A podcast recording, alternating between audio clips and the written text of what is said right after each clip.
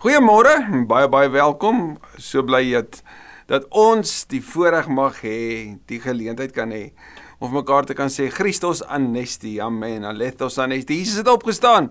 Hy het waarlik opgestaan en omdat hy opgestaan het, het ons 'n rede om fees te vier en om by mekaar te wees en om die woord te bestudeer en om saam te wandel. En dankie dat jy ook KSM kies in hierdie dag, op hierdie oomblik ook in jou lewe vir nuwe mense wat dalk nou eers by ons aansluit, baie baie welkom. Welkom by ons reis. En en weet dat alles is toeganklik of tot jou toegang en ons stuur graag vir jou alles aan.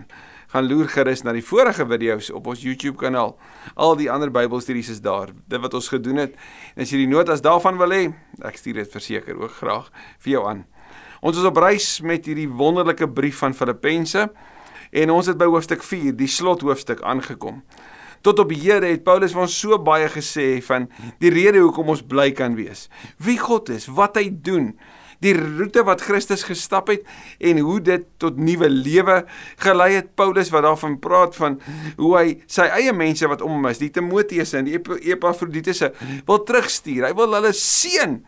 Hy wil weggee en dat dit die gesindheid is om te leef, die gesindheid van Christus, die onderste bo rigting. Paulus in hoofstuk 3 kom sê van sy vorige lewe en hoe sy balansstaat geskuif het van wat vir hom 'n wins was wat nou 'n las is. Hy het net een bate en dis Christus en niks anders vergelyk daarmee nie. Al wat hy wens het hy gesê hy wil Jesus ken. Die krag van sy opstanding ondervind deur gelyk te word saam met hom in die dood, ja, die dood aan die kruis met die verwagting dat hy op sal staan, opgewek sal wees en verheerlik sal word by Christus sal wees in 'n liggaam wat verander is, getransformeer is deur hierdie Christus wat oor almal en alles heers. En hy vertel in in die tweede deel van hoofstuk 3 van hierdie begeerte van hom om los te maak van wat agter is, om ryk halsend uit te kyk na wat voor is.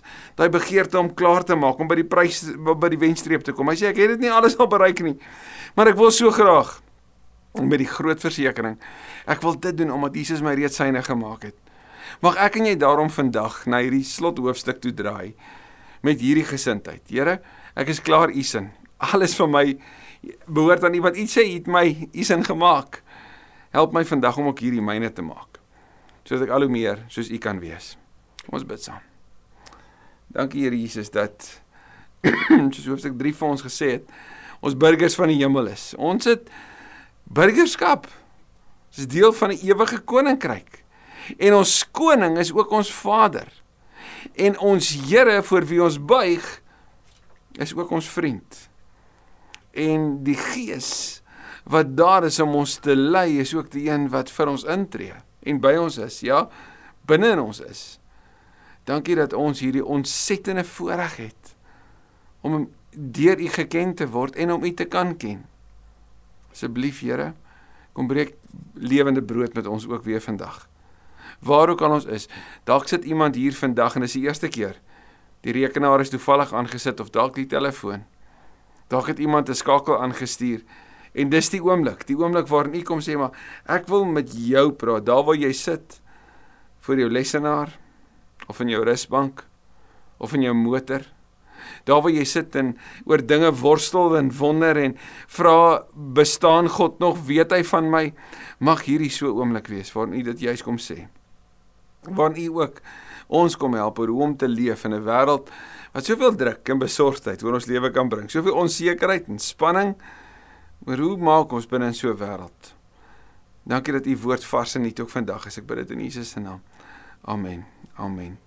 Ons is by hoofstuk 4 vers 1. Daarom nadat hy gesê het dat ons is onderwerp aan hierdie krag van God, hierdie sterk krag wat Christus uit die dood opgewek het en waarin Christus alles oor hom gaan gaan onderwerp, hierdie krag wat ons liggame gaan verander sodat ons so sy verheerlikte liggaam kan wees. Sê Paulus, daarom my broers, moet julle vas staan.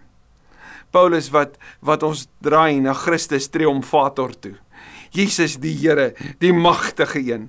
Omdat ons verander gaan word en soos hy gaan wees, by hom gaan wees, kan ons nou vas staan. Daai's 'n oorlogsterm.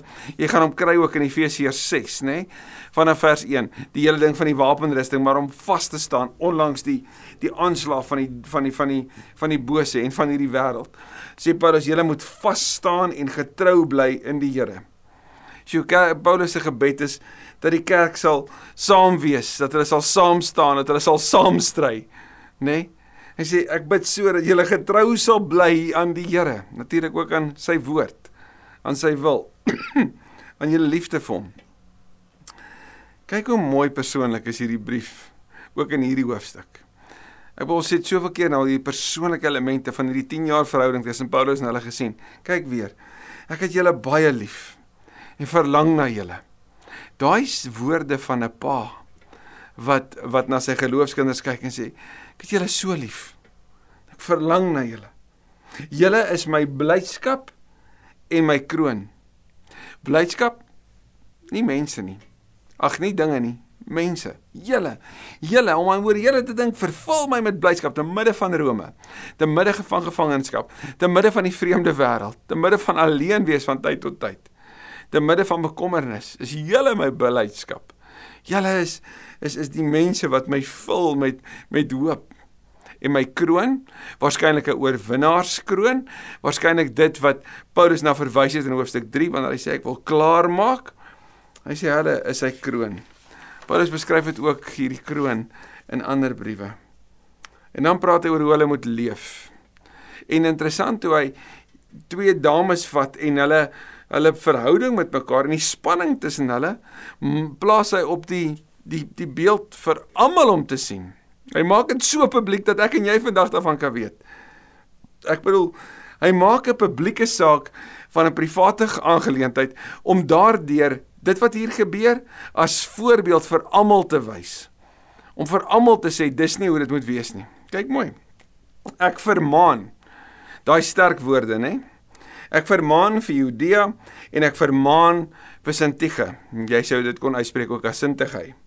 Om eensgesind te wees in die Here. Dit lyk vir my hierdie twee dames het hard saam met Paulus gewerk doelgerig. Hulle was hulle was arbeidsaam geweest. Hulle het selfs gewaag in die geloof te midde van 'n vreemde omstandighede. En soos hulle gegroei het en waarskynlik soos wat hulle hulle hulle posisie of hulle vermoë of jy sou kon sê dalk hulle ja ja die mag wat hulle gehad het of status soos wat hulle invloed vergroot het het hulle al hoe meer in konflik met mekaar gegaan. Nou sê Paulus, ek vermaan hulle om eensgesind te wees in die Here. So waarin vind hulle eensgesindheid? Nie in mekaar nie.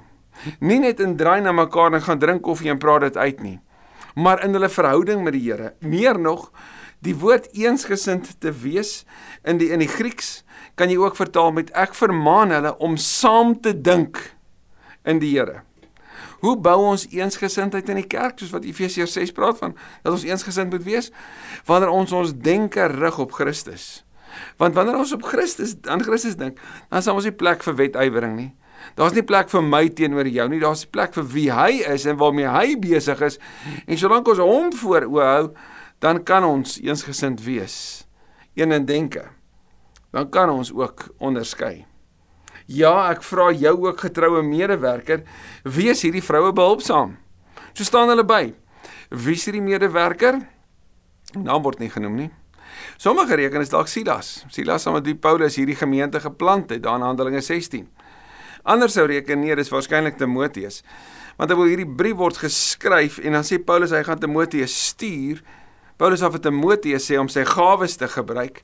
En as Timoteus Paulus moet verteenwoordig by Filippi, dan moet hy praat namens Paulus as dit ware of in die gesag van Paulus. Paulus sê niemand anders dra hulle op die hart soos Timoteus nie. Weet niemand anders dra hulle op die hart soos wat hy dit sou dra soos iemand soos Timoteus nie. Dan sê hy ek kan hom stuur. So dit is ook moontlik Timoteus. Maar Paulus se se, se belangrike beginsel is ons los hulle nie op hulle eie nie. Gaan help hulle. Wees hulle behulpsaam. Hulle het saam met my die stryd, dit is die woord ook wat jy kan vertaal met stoei, gevoer in diens van die evangelie. So dit gewaag. Net soos Clemens ook en my ander medewerkers. Clemens is 'n Romeinse of Romeinse naam. Nou sommige sou sê die die naam Clemens was algemeen gewees. Ander sou sê dis dalk 'n gelowige vanuit Rome. En dan is daar selfs ook 'n skool van denke wat sou sê nee, hierdie is Clemens, die aartsvader wat die boeke geskryf het. Daar in in in die in die volgende era, die volgende tyd na Paulus. Hoe dit ook al sê, ons weet nie omdat dit jy so algemene naam was. Paulus sê hy het net so gestry en my ander medewerkers wie se name in die boek van die lewe staan. Hierdie name boek van die lewe is 'n Joodse term of frase wat verwys na die die naamrol of vanaf 'n 'n register van 'n land of die naamrol van die van 'n weermag. As jy soldate sou stuur Ekskuus tog, as jy soldate sou stuur oorlog toe, was daar 'n naamrol gewees wat sê hulle is lewendes. Hulle is nog aan die lewe. So wanneer Paulus sê hulle name staan in die boek van die lewe, dan sê hy hulle name is deel van die wat vir ewig lewe. En natuurlik Openbaring praat van die lam wat die boek oopmaak en dat ons name in die boek van die lewe sal staan. So dis waarvan Paulus hier praat. En dan nadat hy gepraat het oor eensgesindheid en hy het gepraat oor hierdie manne en vroue wat gestry het saam met hom, gee hy 'n lys van van optredes van wat van jou en my verwag word, wat van hulle verwag word binne in Filippi. Hy sê wees altyd bly in die Here. Ek herhaal, wees bly. Nou hierdie blydskap wat herhaal word, is 'n opdrag deur Paulus. So jy sê ook kon sê, wanneer laas het ek en jy die sonde van nie blymoedig wees nie bely? Want dit is 'n opdrag. As jy dit nie doen nie, dan pleeg jy sonde. As ek sê vir jou, wees bly. Ek herhaal, maar jou blydskap is in die Here. So dis baie meer as net gelukkig wees of glimlag of net lag. Dis 'n diepe blydskap wat gevind is net in Jesus alleen. Dis 'n blydskap wat gemaak het toe hierdie gemeente geplant is dan Handelinge 16 dat Paulus en Silas teen middernag kon sing. Want hulle blydskap was nie in hulle omstandighede nie, nie in hulle situasie nie, nie in hulle gesondheid of hulle toestand nie. Hulle blydskap was in die Here. Wees inskikkelik teenoor alle mense. Die Here is naby. Hierdie inskikkelik sien jy ook in Paulus se lewe wanneer hy sê hy wil niemand afronteer nie. Hy wil almal op die plek waar hulle is, hy wil hulle daar bereik. Wel hy sal in Korintiërs sê dat as om vleis te eet iemand sou afronteer, dan sal hy sy mond nooit weer aan vleis sit nie. Nou vir 'n Suid-Afrikaner soos ek is om nie vleis te eet nie 'n verskriklike gedagte. Maar Paulus sê sy liefde vir mense is groter as sy omgee of sy liefde vir vleis vir homself. So daai inskikkelikheid, daai om ander mense in ag te neem, was so belangrik in daai tyd ook vir die gelowiges. So dit sou beteken neem ander kulture in ag. Neem mense en omstandighede in ag en wanneer hy sê wees inskikkelik teenoor alle mense dan sluit dit ongelowiges in. Dit sluit die onregverdige soldate wat hulle mag misbruik in. Dit sluit reëls van Rome wat hulle neerdruk op Christene wat hulle dalk selfs kon vervolg of te nakom in. Daai daai Romeine. Daai soldate daai mense wat jou te nakom. Paulus sê: "Wees inskikkelik teenoor alle mense. Dis 'n gesindheid omdat jy dit is vir die Here. En soos wat jy dit vir die Here doen, so ook vir hulle. En hoekom? Want die Here is naby. Nou die Here na, is naby. Hier kan jy natuurlik in twee maniere sien. Jy kan aan die een kant sê sy wederkoms is naby en Paulus het dit geleef met daai gesindheid van die parousia wanneer kom hy? Of aan die ander kant die Gees is in jou. So hoe sal ek en jy optree, argumentsothawe, in die teenwoordigheid van 'n persoon met gesag? Ons praat anders, nê? Nee. Ons stel ons woorde, tel dalk ons liggaamshouding, hoe jou gesig, allerlei goed. Jy let op 'n klomp goed wanneer daar iemand van sogenaamde status, belangrikheid in jou teenwoordigheid is. Nou Paulus sê die Here is naby. Hoe moet dit nie ons optrede, ons denke ons doen en late bepaal nie. En ja, ons almal sukkel daarmee, want ons almal vergeet dit van tyd tot tyd. So dis dalk net 'n goeie herinnering vandag. Hoe tree ons op? Want die Here is naby. Moet oor niks besorg wees nie. Die woord niks daar beteken niks. En die woord besorg daar in die Grieks, merimnao beteken to be pulled apart. Met ander woorde moet oor niks julle denke laat verdeel nie. En dit is wat besorgdheid doen, nê. Dit dan dink jy hieroor en jy bekommer daaroor en dan kan jy nie meer hierdie doen nie want jy is so besorgd oor al die goed. Dit trek jou uitmekaar uit. Dit verskeur as dit ware jou fokus. Paulus sê moet oor niks besorg wees nie. Maar hier is hy teenvoeter. As hy en ons het dit al soveel keer by Paulus gesien, as hy 'n nee sê, dan het hy altyd 'n ja. As jy hiervoor nee sê, waarvoor sê jy ja? Die volgende maar maak in alles julle begeertes dit wat hier binne is deur gebed en smeking en met danksegging aan God bekend Nou hierdie natuurlik strook so met Matteus 6:33. Soek allereers die koninkryk van God, soek na die wil van die Here sê die lied. En alles wat nodig is, sal die Vader dan vir julle gee uit sy oorvloed. Soek die koninkryk van God. En hy sal vir julle gee wat nodig is. Soek dit altyd eerste. Hoor wat Paulus sê, moet oor niks besorg wees nie. Maar maak julle begeertes en as ons begeertes in lyn is met God se wil, God se koninkryk, waarmee God besig is, sê dit vir hom. Noem dit vir hom. Dit wat jou pla, dit wat waaroor jy besorgd is. Dit wat jy na verlang, wat jy nodig het. Sê dit vir hom. Hy sê deur gebed en smeking en met danksegging. Nou onthou mooi, daai smeking, Romeine 12 vers 12 gebruik Paulus die woorde volhard in gebed, volhard. So moenie ophou nie. 1 Tessalonisense 5 vers 17, bid sonder ophou. Bid gedurig sê die nuwe vertaling. So Paulus se ingesteldheid is dit wat jou hier binne besig hou. Sê dit vir die Here. Sê dit gereeld. Dis nie asof hy hy vergeet dit nie. Maar sê dit want dit wat jy hier uitkry gee vir hom en jy vertrou hom daarmee. Maar natuurlik Jakobus 4 bid volgens sy wil. Bid in afhanklikheid van sy wil. Maar noem dit. En met danksegging natuurlik die voorreg Here dat dat ek dit vir u kan sê en natuurlik die verwagting dat wat ook al u gaan doen, gaan u koninkryk bou. En dan die vrede van God sê vers 7 van God wat alle verstand te bowe gaan. Hierdie Shalom God se soewereine heerskappy. Wat alle verstand te bowe gaan met ander woorde mense kan in situasies wees wat hoe ondraaglik is en daar binne so vol vrede wees. Want die vrede kom nie van hulle af nie. Dis van God af wat alle verstand te bowe gaan sal oor julle harte daar's natuurlik emosies en gedagtes dis denke die wag hou in Christus Jesus Hoor mooi wat sê Paulus vir die soldate van Filippi. As jy jou begeertes vir God bekend maak in gebed en smekings en danksegging, dan kom staan God se vrede wag oor jou emosies en jou denke.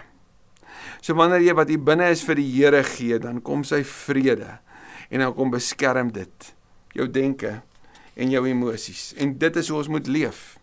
En dan jy kry hierdie vers en hierdie vergelyking nêrens anders in Paulus se briewe nie. Maar hoor mooi wat sê hy. Hy sê met ander woorde as God se gedagtes se vrede hieroor kom wag staan, dan help hy ons, hy help vir Filippi om te sê, maar waarom moet ek dan dink? Hy sê moet jy niks bekommerd wees nie, so waaroor moet jy dink? En wat hy vir hulle noem is nie net godsdienstige woorde nie. Dis alles in hulle omgewing, ook in hulle Romeinse wêreld. Hoor mooi. Kyk wat sê hy. Verder broers en susters, alles wat waar is, alles wat edel is, alles wat reg is, alles wat rein is, alles wat mooi is, alles wat prysenswaardig is, wat 'n deeg of lofwaardige saak daar ook al mag wees, daarop moet julle julle gedagtes rig. Geliefde in die Here, jou gesig is 'n skrinsuiwer. Dit kom sê wat in jou hart aangaan. As jy jou kop met ander woorde vul met alles wat mooi en reg en goed en edel en prysenswaardig is, dan gaan dit wys As jy kyk na wat reg is in die wêreld, dan gaan jy dit voel. Dit beteken nie jy moet blind wees vir wat verkeerd is nie. Maar gaan soek wat is reg. Paulus sê dit. Moet op niks wat negatief of wat jou besorgd maak. Moenie op dit fokus nie. Sê nie sê nie ehm um, moet dit nie vir die Here sê nie. Hy sê intene jy moet dit sê. Sê maar moenie daarop fokus nie. Fokus op wat mooi is en wat reg is. En terwyl die ander goed 'n realiteit is, gee dit vir die Here. En fokus op dit wat mooi is in hul wêreld, in hul omgewing, daar by jou huis, in jou tuin, in jou dorp, in jou stad en in jou land. En wat julle van my geleer het, kyk weer hier kom hy soos in hoofstuk 3, volg my voorbeeld. En wat julle van my geleer en ontvang en gehoor en gesien het, dit moet julle doen. So dis nie van net denke nie, hoor. Dis nie net van asof hy sê vir hulle, dis nie net van van praat hier hoor. Dis van volg. So stap agter my aan. Ek het vir julle gewys hoe So doen dit. En dis disipelskap. Disipelskap sê, kom ek wys jou hoe. Goed, kom ons doen dit nou saam. En dan doen jy dit nou. Dis hoe ons dit doen. Paulus sê presies dit. Doen wat ek vir julle gewys het, wat ek vir julle geleer het, wat julle by my ontvang het, wat julle gehoor het en wat julle gesien het. Hoe ek dit doen? Doen dit so. En weer kom hierdie mooi woord van vrede en God wat vrede gee, sal by julle wees. Hoe moet ons leef? Eensgesind. Ons moenie strei nie. Hoe moet ons leef behulpsaam? Hoe moet ons leef met blydskap? Hoe moet ons leef inskikkelik? Hoe moet ons leef met ligte harte wat nie vol bekommernis is nie? Hoe moet ons leef met vol harte, vol van die vrede van God wat alle verstand te bowe gaan?